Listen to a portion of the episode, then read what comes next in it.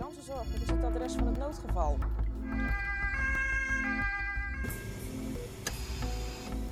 Zo Jasper, eh, daar zijn we weer. Daar zijn we weer, van vakantie terug, Jordi. Van vakantie terug, ja, eh, een stuk bruiner. Kan niemand zien helaas, want het is een podcast. Maar eh, we Ja. zijn... Dat probleem gaan we vaak tegenkomen vandaag. ja, want eh, ja, Jasper, je, je introduceert al een klein beetje. Het wordt misschien een lastige podcast vandaag eh, om dit eh, zonder beeld uit te leggen. Ja. Wat gaan we doen?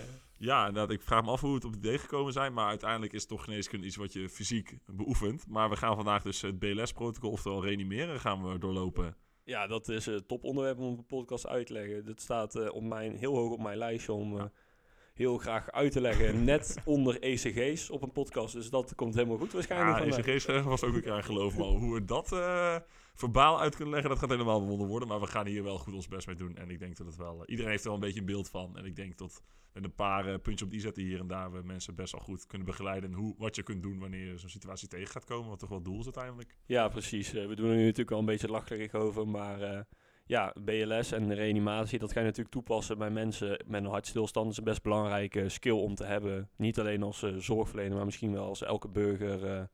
Ja, want een hartstilstand die komt best wel vaak voor. eh Jasper, weet je ongeveer hoe vaak dat voorkomt? Nou, ik zie het hier voor me staan, maar moet ik het zeggen? Het is ongeveer eh, 300 keer per week eh, in Nederland. Dat is eigenlijk wel behoorlijk veel, je zou zeggen. Dan dus, nou, iedere eh, flinke stad heeft er toch wel een stuk of eh 40 of zo per week dan eh, in zich zitten. Ja, precies. Dat zijn eh, dagelijks, eh, bijna dagelijks komt het eh, wel in elk ziekenhuis in Nederland voor dat er iemand op de spoedhuis 0 binnen wordt gereden in een reanimatietoestand. En in heel veel ziekenhuizen wel vaker dan één keer per dag. En dan, ja, om deze mensen, die zijn natuurlijk eh, in een hartstilstand gekomen. En dan ongeveer 24% van die 300 mensen per week, die overleeft eh, deze hartstilstand. En dan moet ik wel zeggen, dat is met een goede uitkomst. Dus dat zijn mensen die daarna ook weer lopend het ziekenhuis uitgaan. En die niet bijvoorbeeld eh, nog heel lang in een coma liggen. Dat zijn de, de getallen. Dus dat is best wel even misschien iets om op je te laten inwerken. Hoe kunnen we dan proberen om de situatie zo gunstig mogelijk te maken voor iemand om het te overleven? En dat is eigenlijk hoe sneller we beginnen en eh, hoe meer mensen weten wat ze moeten doen in een situatie. Dat is cruciaal om iemand te, te laten overleven. En daarvoor heeft eh, de Nederlandse Reanimatieraad eh, een mooie keten geïntroduceerd. En dat noemen we de keten van overleving. En die bestaat eigenlijk uit vier ringen die aan elkaar zitten. En als deze vier ringen zo aan elkaar zitten, hebben we de grootste kans op ja, een gunstige uitkomst uit onze reanimatie. En dat begint eigenlijk met direct 112 bellen of door iemand anders laten bellen. Want je wil eigenlijk eh, specialistische hulp bij je reanimatie. Je kan dat niet in je eentje op straat oplossen. Dan als tweede direct beginnen met reanimeren. Dus met de borstcompressie en de beademingen. Daar zullen we dadelijk eh, wat verder op ingaan. Vroeg defibrilleren, dat is eh, ook heel belangrijk. En dat is waarvoor we straks de AED nog uitgebreid gaan behandelen. Want daarmee gaan we natuurlijk defibrilleren. En dan de laatste keten is de vroege specialistische reanimatie. Dus dat zijn de mensen in het ziekenhuis of van de traumahelikopter of op de ambulance. En je ziet zo, we hebben die laatste ring van onze keten hebben eigenlijk veiliggesteld door heel vroeg 112 te bellen. Kan dus die vroege specialistische reanimatie ook op gang komen. Dus zo zit dat een beetje in elkaar. Ja, lijkt me wel even goed om nog even, even terug, een stapje terug te zetten. Want we hebben nu eigenlijk al een paar termen erin gegooid. Ik denk dat we daar heel goed in zijn. Uh, bijvoorbeeld, uh, waar staat de BLS eigenlijk voor, uh, Jordi? Ja, de BLS, ja, dat is goed dat je het zegt inderdaad, Jasper. Die staat voor Basic Life Support. En dat is eigenlijk vrij vertaald in het Nederlands. Neem ik dat heel vrij. Is dat eigenlijk, ja, je wil iemands leven supporten. Dus je wil iemand weer tot leven brengen. Reanimeren. Ik weet niet of je Grieks hebt gehad. Uh, op nee, nee, maar ik heb deze wel eens een keer gehoord. Oh, nou vertel, waar staat het voor? Ja, voor terug tot het leven brengen. Re als in terugbrengen naar, en uh, anime is leven volgens mij. Dus terug naar het leven brengen. Want iemand is inderdaad in principe dood als diegene geen hartslag meer heeft. Of in ieder geval geen fatsoenlijke output van het hart meer heeft. En ja, dat is dan toch iets wat uiteindelijk de dood als gevolg heeft, logischerwijze. En wij willen diegene eigenlijk terugbrengen door goede compressies te geven. Daar is ik wel bekend mee. En het, het defibrilleren we net over hadden. Oftewel een goede shock geven, een goede opdonder geven om het hart weer uh, naar nog fatsoenlijke werking terug te laten brengen. Ja, precies. Dus ik denk uh, dat dat inderdaad heel belangrijk is uh, om even ons in te laten dalen. We zijn goed inderdaad in uh, mooie woorden gebruiken in de geneeskunde en heel veel afkortingen. Maar als we het even zo uitleggen, dan denk ik dat het voor iedereen wat beeldender is. En over gesproken om iets meer, meer beelden te maken. Jordi, je hebt een casus meegenomen. Ja, klopt. Ik heb een casus meegenomen. En uh, het gaat eigenlijk de casus is, je zit thuis op de bank en in één keer hoor je een hoop kabaal. Je kijkt naar je telefoon en er staat een reanimatieoproep op. Zo. Ja, dan schrik je toch wel even. Dan begint je adrenaline begint uh, goed te pompen. Ik hoor vaak ook eh, bij artsen die eh, voor het eerst de reanimatie meemaken in het ziekenhuis, is vaak het advies voordat je begint met reanimeren, voel eerst even aan je eigen pols of je het nog doet. Die heb ik ook gehoord, ja. dus eh, dat is misschien belangrijk in zo'n situatie. Nou, wat krijg je bij zo'n sms als je jezelf hebt opgegeven voor het netwerk van hulpverleners, waar we misschien op het einde nog even op terug kunnen komen?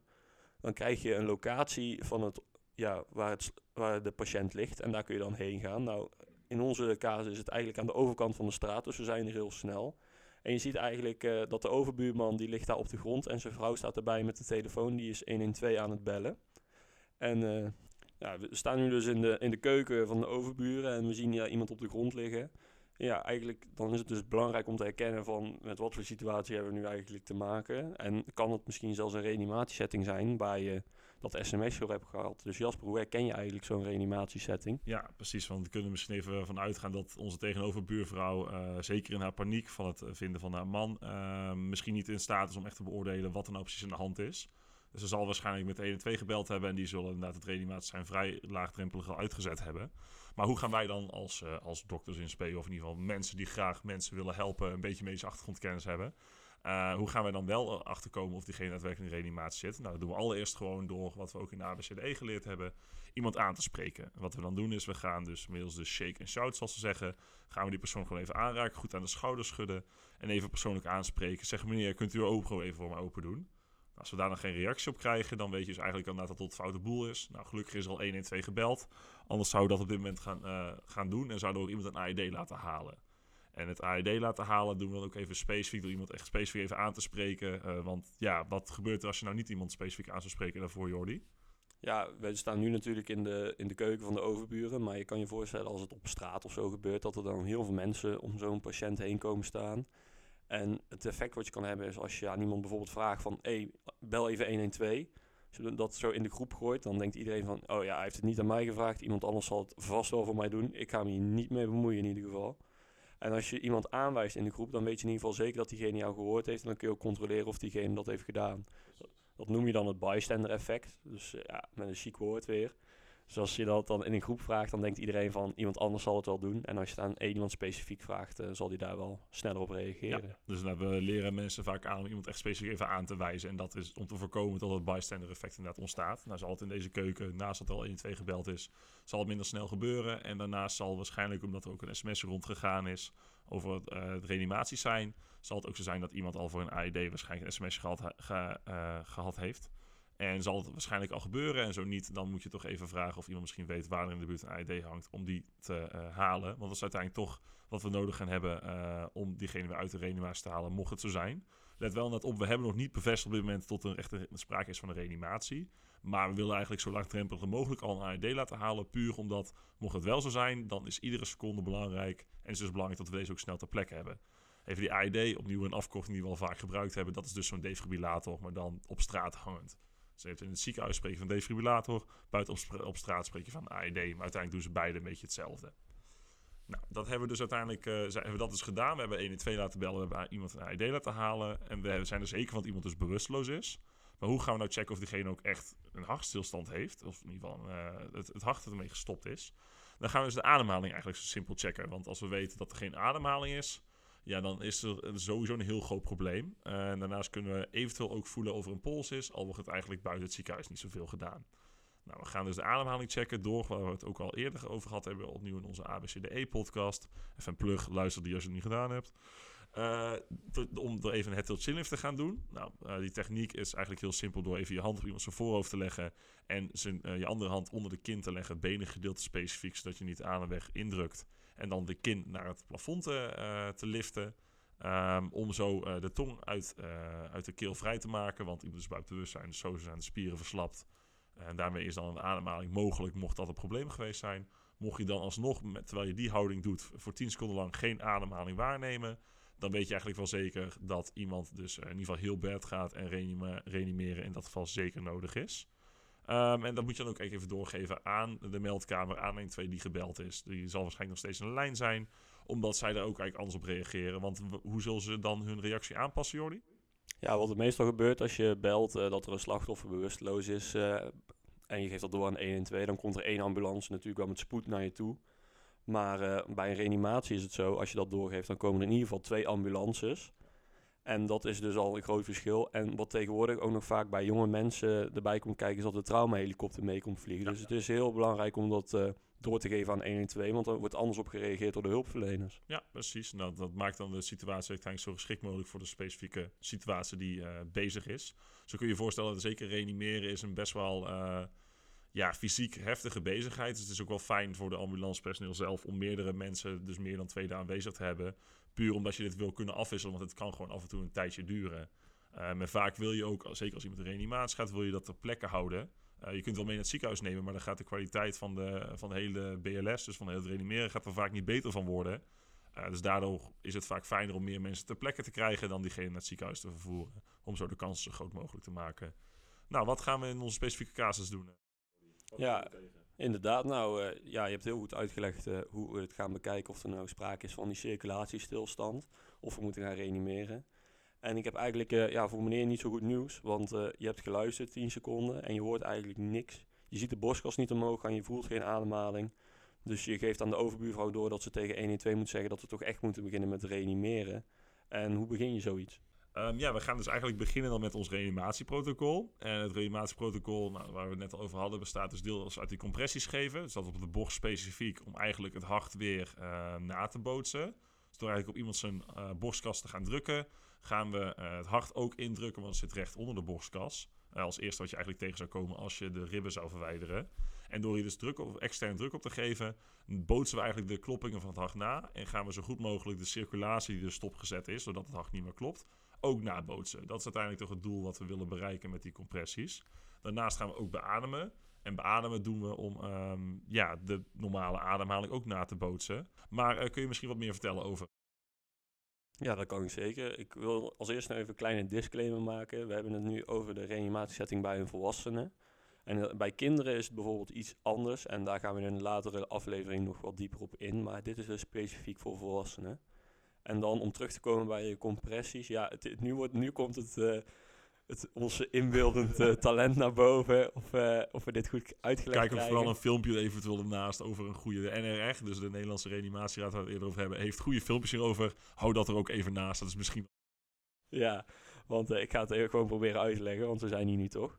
Je, je zet je handen die zet je op elkaar, dus je zet de muis van je hand op de rug van je andere hand. En dan vouw je de vingers van je bovenste hand in je onderste vingers. En wat je dan doet met de, de muis van je onderste hand. Ja, het wordt Als, als hartstikke logisch, nog- als iedereen het nog volgt, met die muis van je onderste hand ga je in het midden van het borstbeen zitten bij je patiënt. Bij mannen is het vaak tussen de tepels, bij vrouwen is dat natuurlijk iets anders, maar probeer op het midden van dat borstbeen te zitten. En waarom is dat nu zo belangrijk? De kans dat je bij een reanimatie ribben breekt bij het slachtoffer is altijd aanwezig en is ook niet een slecht teken als dat gebeurt. Dat hoeft geen slecht teken te zijn.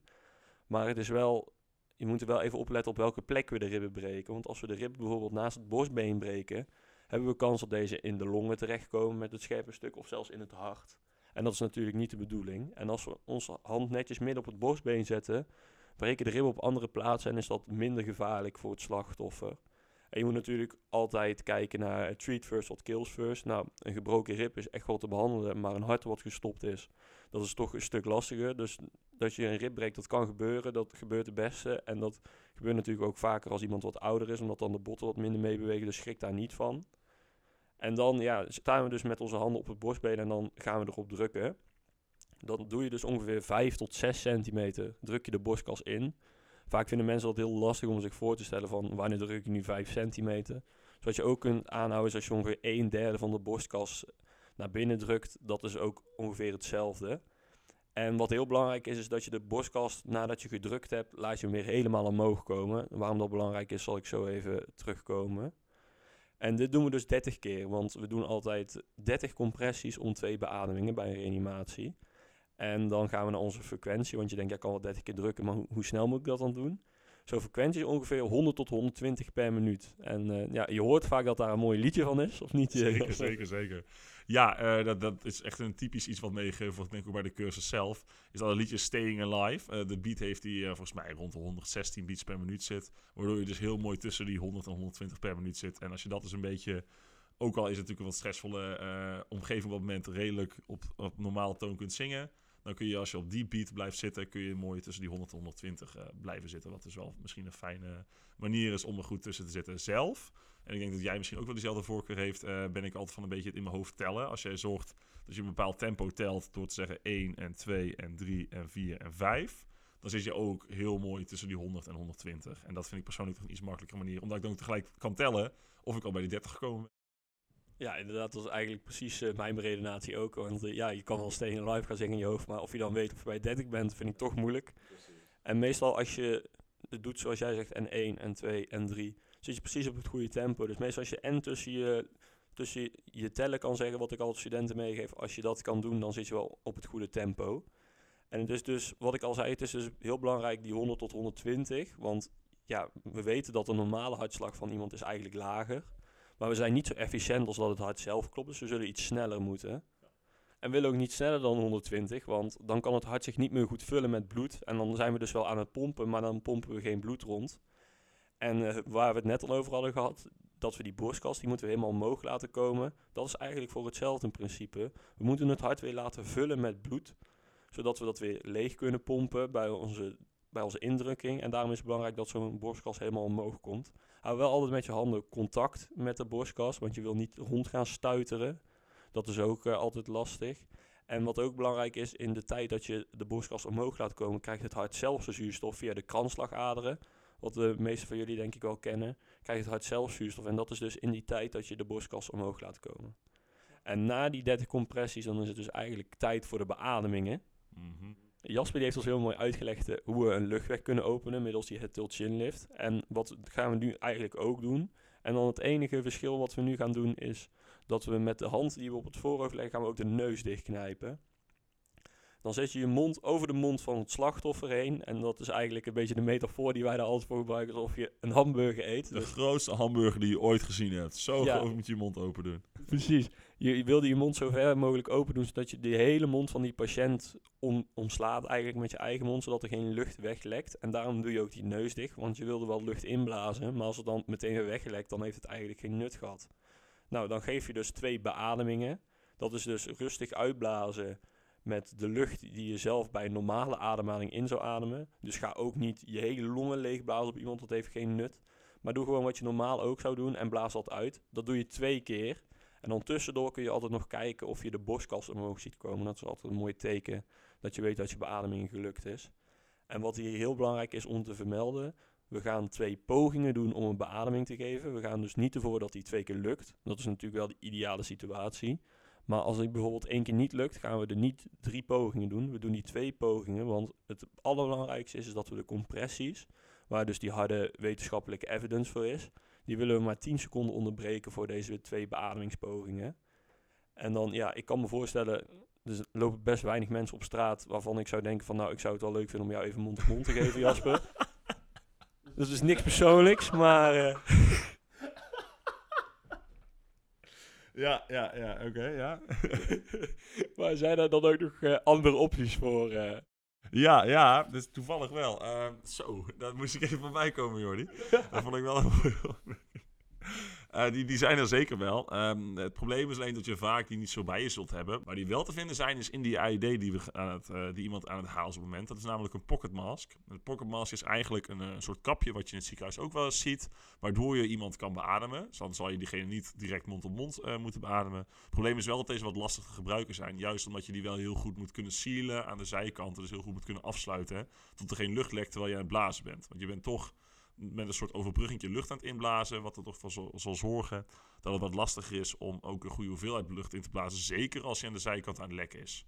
Dus we raden eigenlijk het gebruik hiervan, ook al zijn ze vaak te vinden in zo'n AED-pakketje, raden het er een beetje af, tenzij je er bekend bent hoe je ze moet gebruiken. Maar het is wel een optie om toch ervoor te zorgen dat je inderdaad iemand niet, zoals jij zegt, uh, iemand die op straat loopt rennen even van de bek moet pakken. nee, precies, ja.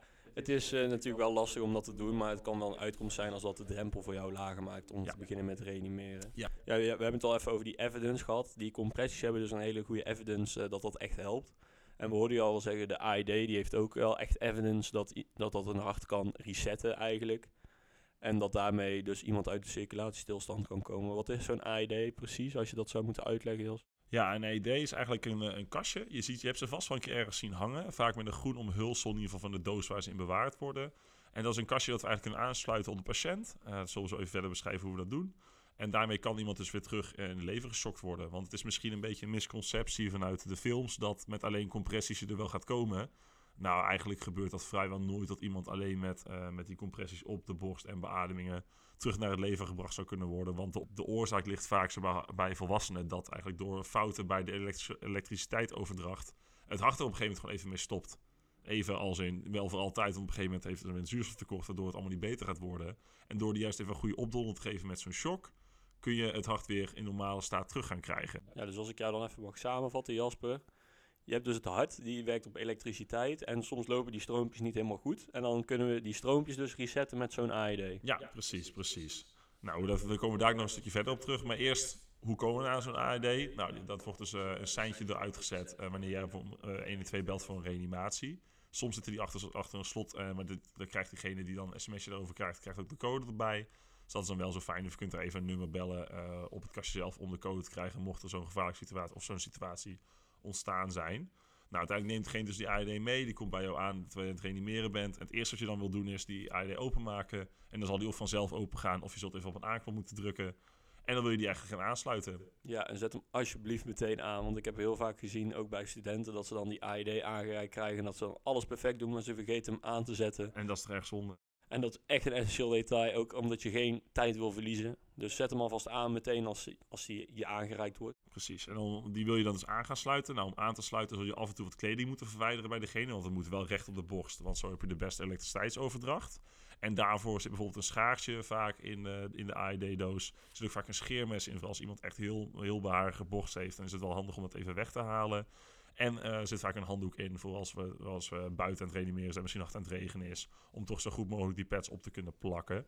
En daarnaast zit ook vaak dus die pocketmask in waar we het net over gehad hebben. Jasper, wat ik wel eens in, in films heb gezien, hè, als het dan bijvoorbeeld regent en zo iemand ligt in een plas. En je geeft hem zo'n schok met zo'n AED, dan krijg je er zelf toch ook een. Nou, gelukkig is er niet zo'n drama als inderdaad in de films gemaskeerd wordt. Nee, eigenlijk, uh, dus omdat de shock echt van de ene naar de andere pad gaat, is er eigenlijk geen uh, gevaar van de omgeving wanneer die shock gegeven wordt. Uh, dat kun je gewoon veilig doen. Ook als iemand in een poeltje water ligt, is het eigenlijk geen probleem. Het is toch maar goed dat de films af en toe niet helemaal uh, kloppen. Nee, het maakt het voor ons gelukkig iets makkelijker. Maar dat je kunt misschien wel even met een handdoekje overheen gaan om puur die uh, gel gewoon even zo dicht mogelijk op het contactoppervlak van die persoon te krijgen. Maar waar plakken we ze dan op? Nou, dat heb je misschien in de films ook wel eens gezien, maar ik zal het toch nog even beschrijven. Je wilt dus bij de, bij de persoon zelf rechts bovenop de borst, dus dat is voor de persoon zelf rechts, bovenop de borst wil je, uh, wil je die pad plakken. En de andere wil je links in de flank van de persoon gaan plakken. Nou, daar moet je misschien ook even een videootje voor bekijken om specifiek te zien waar dat zou moeten. Ja, en wat vaak ook uh, op die pad staat aangegeven, staat vaak met een plaatje precies waar je ze moet plakken. Dus ja, dit is wederom uh, weer een lastig beeld om uit te leggen, ja, denk precies. ik. Maar daar zijn video's inderdaad, het staat zelf ook erop. Dus voor reminder is het allemaal handig. Ja. En wat gaat de AED dan doen als we hem aangesloten hebben, Jordi? Eigenlijk, uh, voordat we weten wat een AED gaat doen, moeten we nog iets over die hartritmes weten waar we het net al over hebben gehad. Je hebt dus, uh, nou, om het uh, toch kort en bondig te houden, twee soorten hartritmes die iemand met een circulatiestilstand kan hebben. En dat is een schokbaar en een niet schokbaar ritme. Zo'n schokbaar ritme kan dus opgelost worden door de AED. Die geeft dan een schok en die reset het hart. Die reset eigenlijk de stroompjes die over het hart lopen. En bij een niet schokbaar ritme, dan moet kan het niet opgelost worden door de AED, maar dan moeten we dus doorgaan met onze reanimatie en, dat, en eventueel met medicatie, wat de ambulance dan bij heeft, net zolang tot we bijvoorbeeld in een schokbaar ritme komen, om daarmee met een AED weer het verschil te kunnen maken. En je had daar volgens mij best wel mooie metaforen in onze laatste les. Ja, ja precies, die heb je goed onthouden. Ja, het voelt misschien een beetje gek om te bedenken dat we, ook al is iemand op dat moment dood, niet eens proberen een schok te gaan geven. Maar soms heeft het gewoon echt geen zin. En hoe ik dat zelf eigenlijk altijd een beetje ziet is, als je een computer hebt en die staat uit, dan kun je die resetknop indrukken wat je wil. Maar daar gaat hij niet van aan. Maar juist wanneer een computer even gefriest is, dus even, even niet meer goed doet, uh, maar nog wel aanstaat, dan werkt die resetknop uh, werkt, uh, als een wonder. En dat is eigenlijk een beetje hetzelfde als bij het hart. Als het hart helemaal niets meer doet, een dood persoon kun je ook gaan shocken, maar dat heeft geen zin meer. als iemand echt al lang, lang weg is. Maar juist als nog het hart wel wat activiteit heeft, en dat is dus een schokbaar ritme, dan kun je dus iemand gaan schokken. Inderdaad. En wat zo'n AED dan dus gaat doen, is je hebt die pads opgeplakt, zoals Jasper net zegt. Dus één op de rechterborst en één in de linkerflank. Dan gaat die AED jou aangeven, want een AED is eigenlijk het makkelijkste apparaat wat je tegen kan komen. Die zegt wat je moet doen, die zegt wat hij zelf doet en zo, enzovoort. Dus je hoeft eigenlijk alleen maar te doen wat hij zegt als hij helemaal aanstaat. Die gaat als eerste het ritme analyseren. Dus hij gaat kijken, is er sprake van een schokbaar ritme of een niet schokbaar ritme. Nou, op het moment dat er dus sprake is van een schokbaar ritme, dan zal hij zeggen, ik geef het advies om een schok toe te dienen. Hij gaat dan opladen. En wat heel belangrijk is, is dat je zorgt dat niemand de patiënt aanraakt. Want er is natuurlijk altijd een kans dat die schok door de patiënt wordt doorgegeven aan een hulpverlener die hem bijvoorbeeld aanraakt. En wat je dan gaat doen, die AED laat op en dan gaat er een schokknop knipperen bijvoorbeeld. En dan uh, kun je daarop drukken en dan zeg je iedereen los. Nou, dan kijk je of iedereen of niemand meer de patiënt aanraakt. Dan druk je op de knop van schok toedienen. Zo'n schok duurt ongeveer uh, nou, 10 milliseconden, zoiets. Dus je kan daarna meteen weer doorgaan met reanimeren. Dus ook al heb je zo'n schok toegediend, je gaat daarna altijd weer verder met je reanimatie. Dat is heel belangrijk. Dus die compressies ga je dan weer mee starten met die 30 compressies. En dan kan het natuurlijk ook zo zijn, als je aan de ene kant een schok kan adviseren, kan die ook adviseren om geen schok te geven. En wat je dan moet doen is eigenlijk hetzelfde. Je geeft geen schok, maar je gaat door met je reanimatie. Dus met je 30 compressies en twee beademingen. En die doe je dan twee minuten lang, totdat de AED weer een keer gaat analyseren of er nu wel sprake is van een schokbaar ritme. En dus die twee minuten gaat die AED ook zelf voor je aftellen. Je hoeft je niet zelf met een stopwatch bij te houden. Tot het nieuwe, tot het nieuwe analysemoment.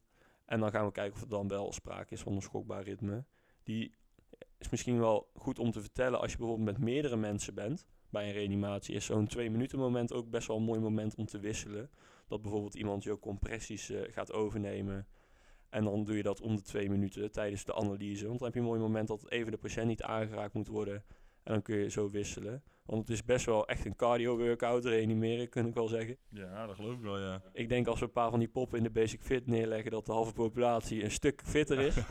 dus ga er ook vanuit, je wil die kwaliteit van die compressie zo goed mogelijk houden. Dus wissel ook op tijd als je moe wordt bijvoorbeeld. Dat je dan iemand anders je over laat nemen, zodat je zeker weet dat die compressies goed blijven gaan.